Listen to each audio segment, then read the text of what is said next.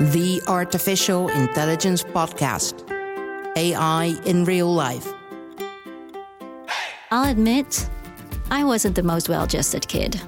You know those parents in supermarkets dragging a screaming and kicking bundle with them through the candy aisle? That one bossy kid in the playground who somehow managed to always get the best toys and never help clean up? Sharing wasn't really one of my virtues, and you still better not touch my food. But I'm learning that sharing is a good thing, even when you don't expect it to be. At the World Summit AI, I discovered a vibrant, growing, and collaborative community of academics, business leaders, and regulators alike, who all seem to share an unspoken but unwavering belief. When it comes to AI, we're better together. My name is Liang Wang, and in this episode, I'll take you with me to a gathering of the biggest names in AI right now, organized by Inspired Minds and made possible by Microsoft. First up, Patricia Florissi, CTO at Dell EMC. What's her role in all of this? Dell Technologies is a family of seven strategic aligned businesses, and Dell EMC is just one of the 7 mm-hmm. So, it in, Dell Technologies includes VMware, RSA, Pivotal, SecureWorks, um, uh, VirtuStream, Dell Inc., and Dell EMC. Mm-hmm. Dell EMC focuses on uh, the essential information infrastructure for businesses of today and tomorrow. Dell Technologies' mission as a whole is to drive human progress to tra- through technology. Yeah. So, what does artificial intelligence mean for the business of Dell EMC and for your day to day work? We actually believe that artificial intelligence will touch companies in uh, four different ways, especially technology companies like ourselves. It's about how we use artificial intelligence internally to provide better customer service, to actually do preventive or predictive maintenance of uh, the devices we supply. The second one is how we embed AI into the products, uh, for example, to actually be able to predict what are the applications that will be run and what is the data those applications are going to use mm-hmm. and provide the most efficient infrastructure. The third one is to actually manufacture products that uh, uh, help companies to use AI. So we have uh, uh, solutions um, where we have architected and designed uh, uh, special architectures for deep learning models, training and inference for machine learning, training and inference that helps organizations to accelerate their adoption. And last but not least is how we all um, invest financially in AI companies. Right. So, what's really interesting to me about that is it sounds like you're really investing in bringing artificial intelligence into the fabric of our being rather Correct. than like one big robot that we'll use for whatever. It's going to be part of all the things we do day to day and make it easier and better. Yes i think that uh, one of the uh, when we talk about ai everybody thinks about scientific fiction about uh, uh robots that behave like human or the artificial general uh, intelligence. But i very much like when there is intelligence embedded or interwoven woven in everything we do in, and it helps us augments our ability to do reasoning augments our um, our ability to do decision making that helps the world not just us but society as a whole and makes the world far more sustainable. Yeah so that hybrid intelligence if you will helps us find solutions that we couldn't find on our own I love the term hybrid solution. I have not heard before. We talk about human machine uh, um, uh, intelligence partnership, but the hybrid intelligence, I think, or the augmented intelligence, where humans are uh, enhanced enhance their cognitive ability with algorithms that are capable of processing a bigger amount of information that we can in near real time. That's the win-win situation. Right. And I can imagine for all these little um, improvements that we're creating in the fabric of, of our lives, you need a lot of data collection, but you also learn a lot from, from actually building that. What are some surprising things that, that you found out through implementing something else, perhaps, that you didn't expect? I think that sometimes you are um, surprised that when the model learns an aspect that you didn't think about before, right? And when it identifies a pattern that you didn't know it was there. And I think that with deep learning, where um, you can actually feed the models with many more uh, features and you can draw uh, models that are far more complex, that's where you get the ability to truly learn something we don't know. Because yeah. today, when we have AI for point solutions, we are trying to teach the machine to learn what we know how to do, but we cannot do at that capacity. But uh, the best surprise is when the machine learns something that you didn't know. can you can you give an example of when that happened? Uh, I would say that uh, we we have models that are trying to do pattern recognition, and we want to actually identify uh, faces. Mm-hmm. And the model actually learns that there is a pattern on the uh, on the hair or the way that actually people gaze at an object that is very different from where people gaze at uh, a different category of objects. So it taught you something about human emotions unexpectedly. Correct. I think that uh, um, we have been with deep learning so far, trying to do what I call the basics, right? How you recognize a face, how do you recognize a clock, a table, uh, uh, and so on and so forth. And we forget about, uh, or we don't forget, it's just that we didn't have time yet, or we didn't get there yet, of how to actually analyze how humans themselves observe the world around us. So it's like a recursive AI you have a sensor that actually captures a value from the outside. And now the sensor is capturing how we sense the world. The secondary effects of the it. The secondary effect of it, and maybe the tertiary effect of it, right? How do people that are looking at us sense the, our emotions that was sensed by the sensors, right? And it goes on and, on, and on and on and on. and then do you use that accidental knowledge that you gain, in, in this case about human emotions when they look at something, for, for other applications? Absolutely. And I think that's where um, we touch life sciences as well, because now it's not just about at AI, we are very model centric. Now that we learn this, we make that a model that we can stack in another model and make our models better. But I think that in the future, what we actually learn needs to have a much more efficient feedback loop with, uh, um, with life sciences itself to inform the scientists where uh, what we have learned. Yeah, so the human aspect of interpreting what the AI spits out is exactly. getting more and more important. And not only interpreting, but leveraging that knowledge back into how we study humans as a whole. Yeah because we might build the technology, but if no one uses it, then why, why are we doing it, right? exactly. And then what I'm hearing you say is that the community aspect, both within AI and from AI to the adjacent industries and fields, is getting more and more important.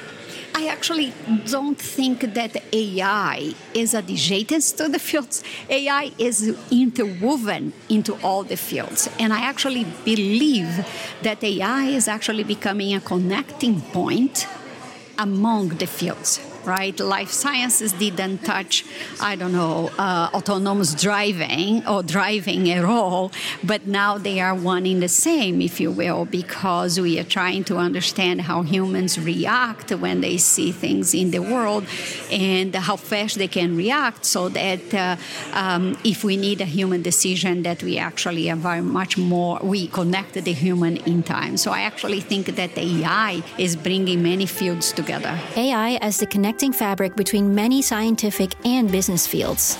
Patricia Florissi, CTO at Dell EMC. Next up, Mikhail Parakin, CTO of Yandex, who I had just fangirled from afar during his keynote on stage. You see, Yandex is one of those fascinating mysteries to me.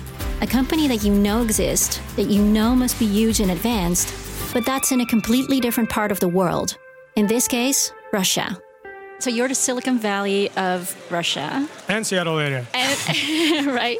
Um, can you give an give an example of, of the kind of things that you do?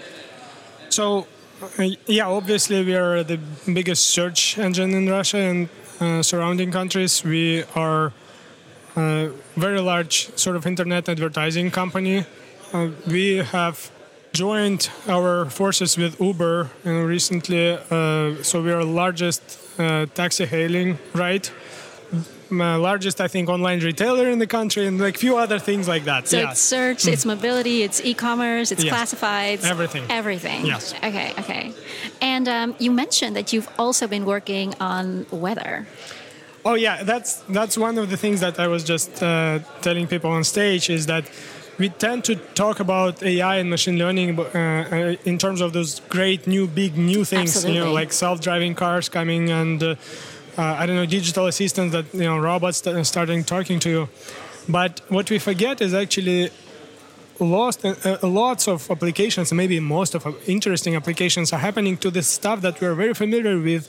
You know we're sort of mundane stuff that's fabric of our lives and they're becoming much better with uh, ai applied to them and uh, weather forecasting for example uh, we started doing it a few years ago uh, we started building our own models because it turns out that nobody really is interested in improving weather forecasting. You know, the government agencies Really? mostly, yeah, it was a surprise for me. The government agencies mostly worry about airplanes and the forecasting for, uh, you know, like marine shippers and uh, uh, various commercial applications like that.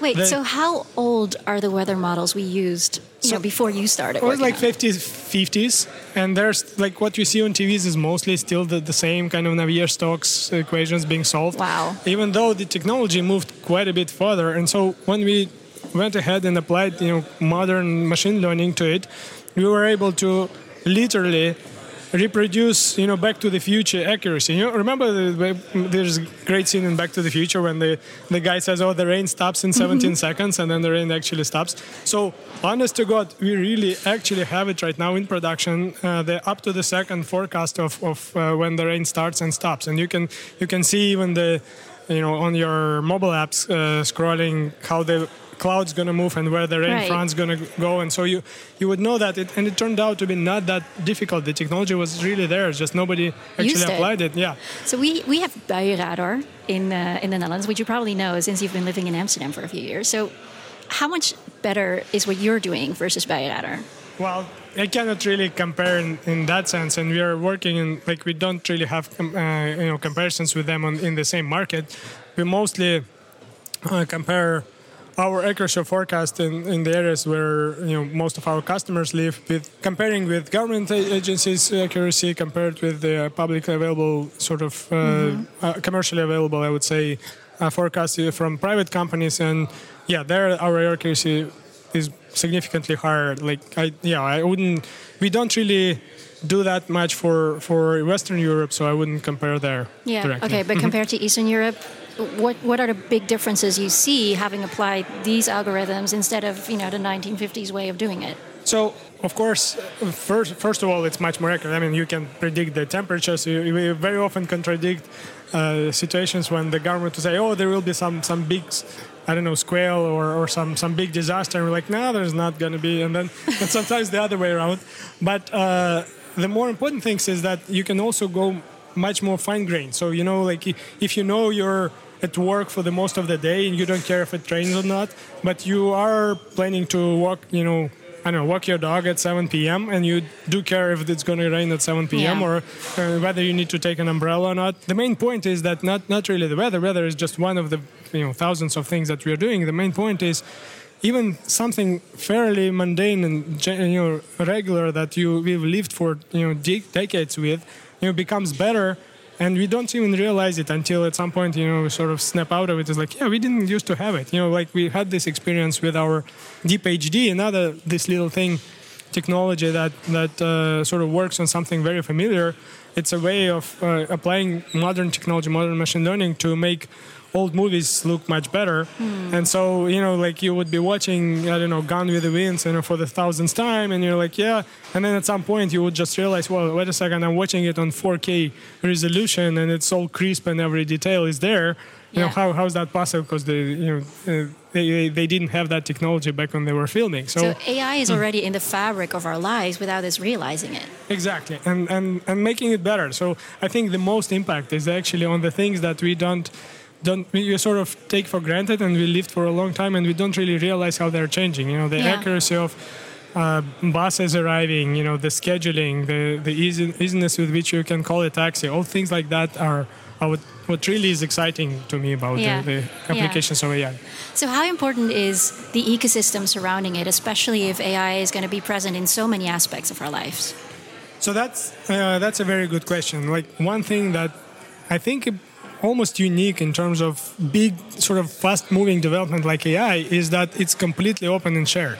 You know, we it, there is this unspoken rule where all the companies ended up agreeing kind of I don't even understand how it how it came up to be like like almost you know sim- simultaneously and unconsciously st- agreed that we're gonna share everything and we'll build this ecosystem because that's what makes us move the fastest, right? So like Google and Yandex and Facebook and all the companies publish all their research and the same conferences and so uh, no really Chinese AI or you know uh, New Zealanders AI. There's this, there's just AI with same same conferences. Every new discovery gets published, and then you know of course every commercial company tries to run applications on it, but keeps on feeding back the discoveries that we make, and uh, that creates the whole ecosystem where you can talk and uh, socialize well. But the most important thing is that it drives the innovation much faster. Yeah.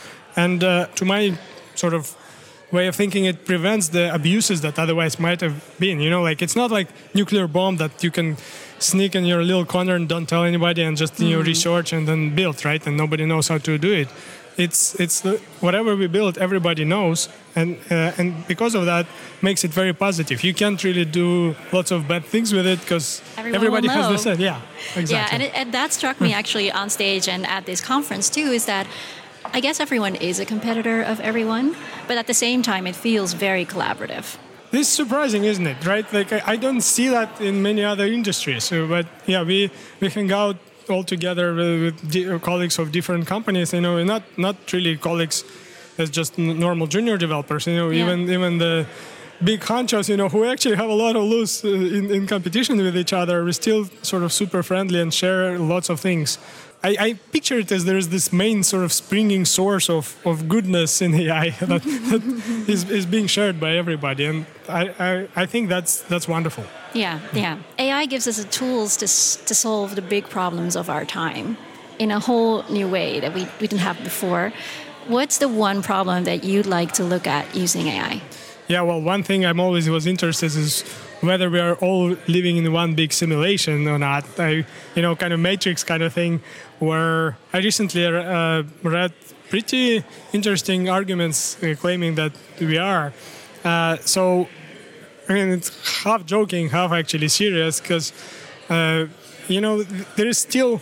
I'm a physicist by training, even though I worked all my life in machine learning, and uh, currently in, in physics when i talk to my friends they're sort of frustrated that you know there's this standard model and it all is always kind of being confirmed and every new Yeah. oh higgs boson just exactly as we predicted like uh, We is- got it all. yeah and so if it's all a sim- simulation then there's whole new out there dimensions that we can explore and it's it's much more exciting So, are we living in the Matrix? Apparently, there's a 20% chance. Mikhail Parakin, CTO of Yandex, aka the Google of Russia. AI carries the promise of being able to tackle big and small problems for individuals and for all of humanity. Ideas can come from anyone, anywhere.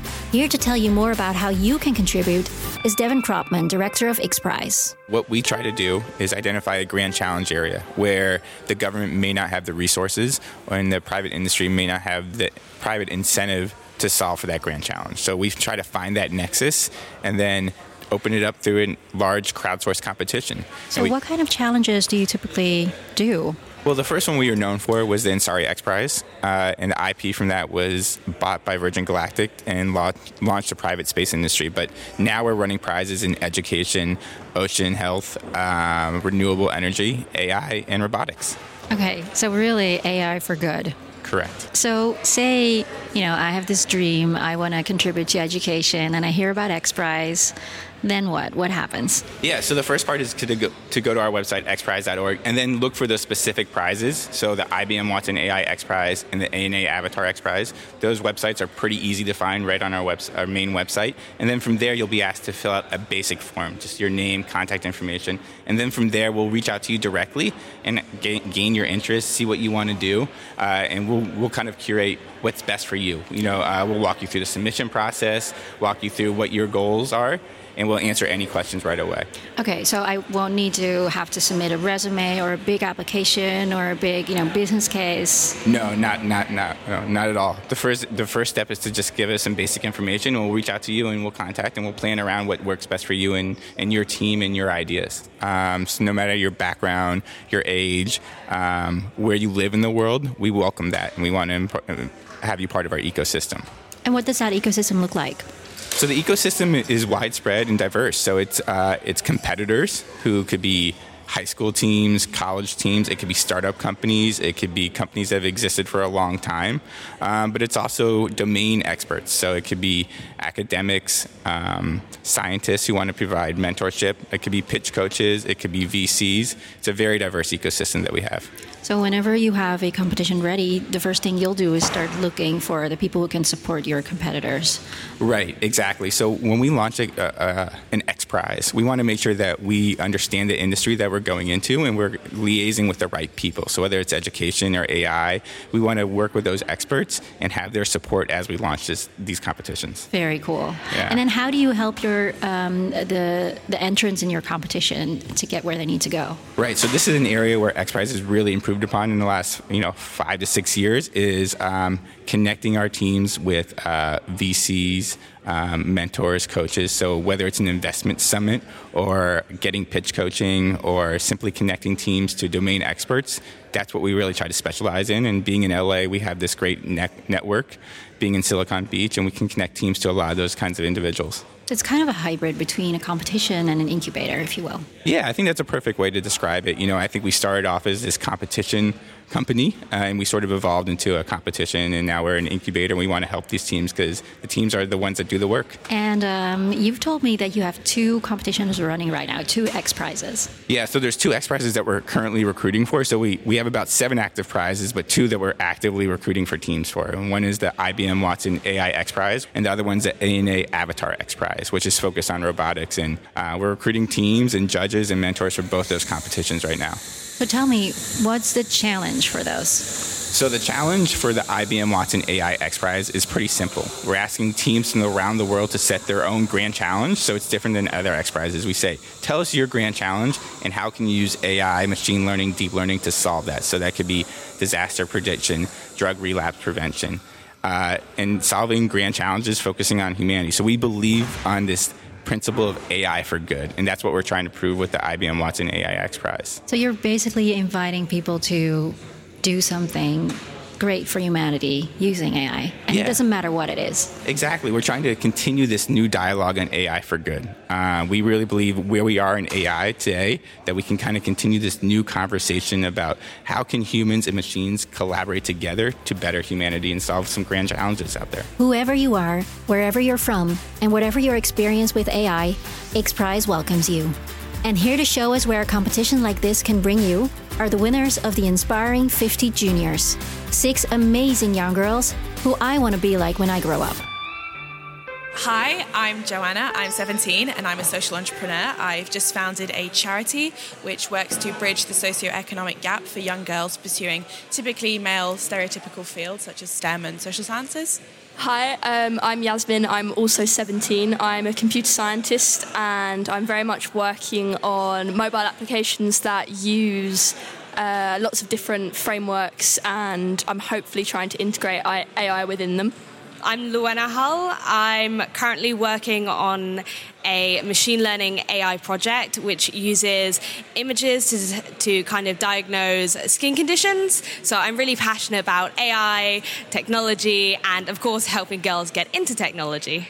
Hi, I'm Rose Dyson. I'm from Yorkshire. I started my own cosmetics company called Pura Cosmetics when I was 15 years old. We manufacture and retail lip care cosmetics that are all natural, cruelty free, vegan, but at purse friendly price- prices.